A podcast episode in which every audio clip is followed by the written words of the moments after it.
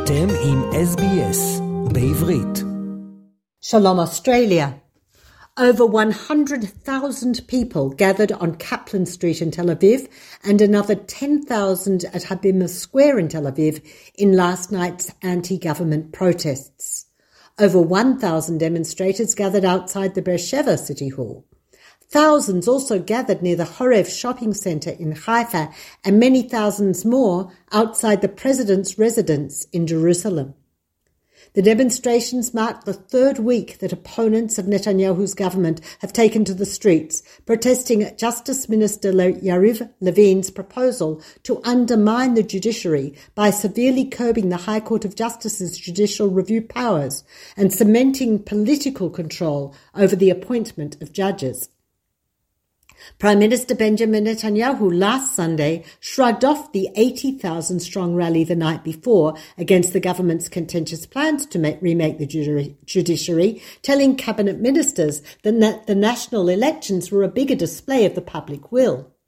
The growing number of protesters, including Knesset members and judges, claim that the government did not reveal its plans to dismantle the legal system before the elections. The High Court of Justice on Wednesday struck down Shas leader Aryeh Deri's appointment to the roles of Interior Minister and Health Minister in the new government, with 10 judges supporting the decision and one dissenting. The judges said Deri's appointment is unreasonable in the extreme due to his multiple convictions for corruption charges. They also cited the position Deri presented to the magistrates' court that convicted him of the charges, in which he said he was quitting politics. Justice Yosef Elron's dissenting opinion was that Netanyahu should request a ruling from the head of the Central Elections Committee to determine whether Deri can serve as a government minister. As part of Justice Minister Yariv Levin's multi-part judicial reform plan, the coalition plans to eliminate the judicial reasonableness, reasonableness test. Had the court's ruling been restricted to this measure, the coalition may have been able to solve Deri's conundrum by fast-tracking relevant legislation. On Wednesday, Deri said that he would not give up his fight. He vowed to continue the revolution our predecessors began with even greater devotion and energy. Attorney General Gali Baharav Miara wrote to the Prime Minister that MK Deri cannot continue to serve as a minister in the government of Israel and told Netanyahu that you must act in line with the legal ruling and remove Deri from his roles in the government. Netanyahu has yet to resolve his legal and political predicament, whereby the government could fall if he dismisses Deri, and making him alternate, alternate prime minister, the plan suggested by some in Likud and Shas, is also likely to be challenged legally. Deri is expected to show up at today's cabinet meeting despite the High Court of Justice ruling. Welfare Minister Yaakov Margi of Shas warned on Wednesday before the ruling that if Aryeh Deri would be disqualified from serving as a minister, Prime Minister Benjamin Netanyahu understa- understands that it will jeopardize the continued existence of his government. The High Court is weighing whether to ban Prime Minister Netanyahu from any part in the debates on the reform of the judiciary due to his conflict of interest, as he faces three charges of corruption. Justice Minister Yariv Levin argued on Monday that the indictment of Prime Minister Netanyahu in three corruption cases convinced the public of the need to reduce the powers of Israel's judiciary. Dan Meridor, who served in a number of Prime Minister Netanyahu's cabinets before leaving politics in 2014, said on Wednesday that the planned judicial overhaul would destroy the country's legal system and leave citizens without protection from the government's actions.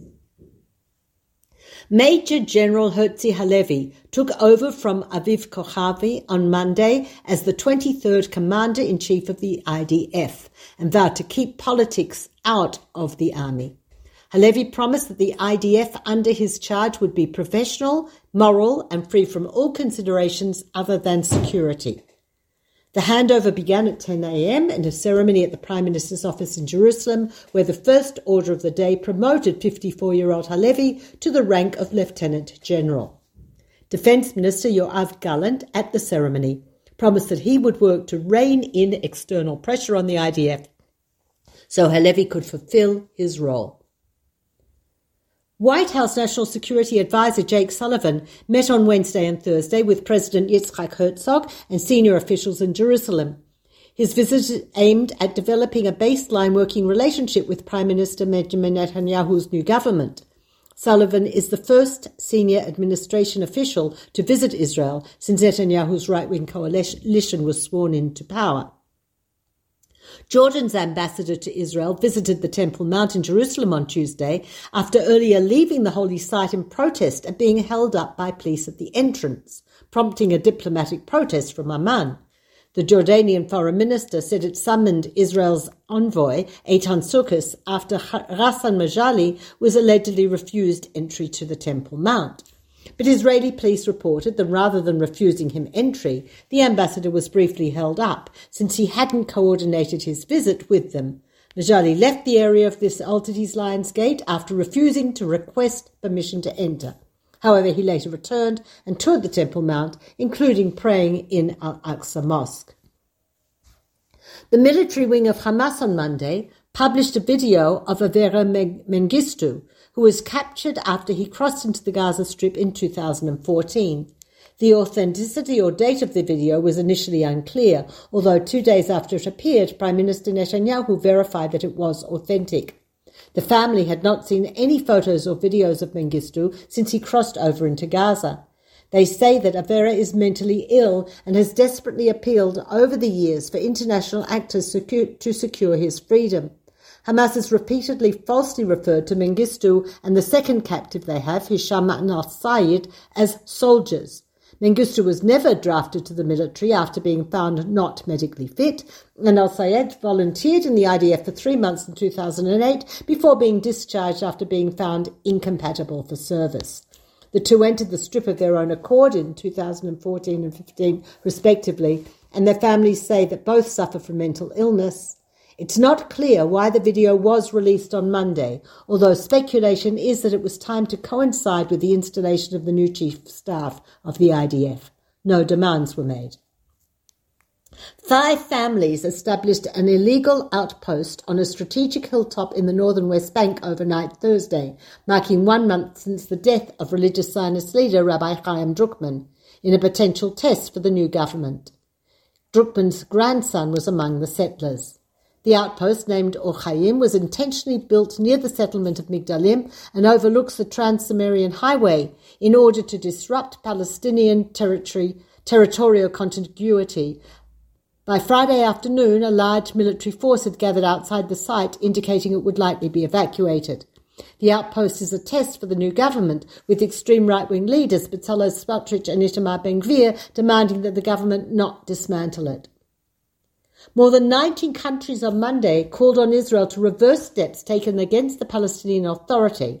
Late last month, the UN General Assembly approved a resolution promoted by the Palestinians requesting that the International Court of Justice weigh in on the Israel Palestine conflict, Israeli annexation, and the legal status of the occupation.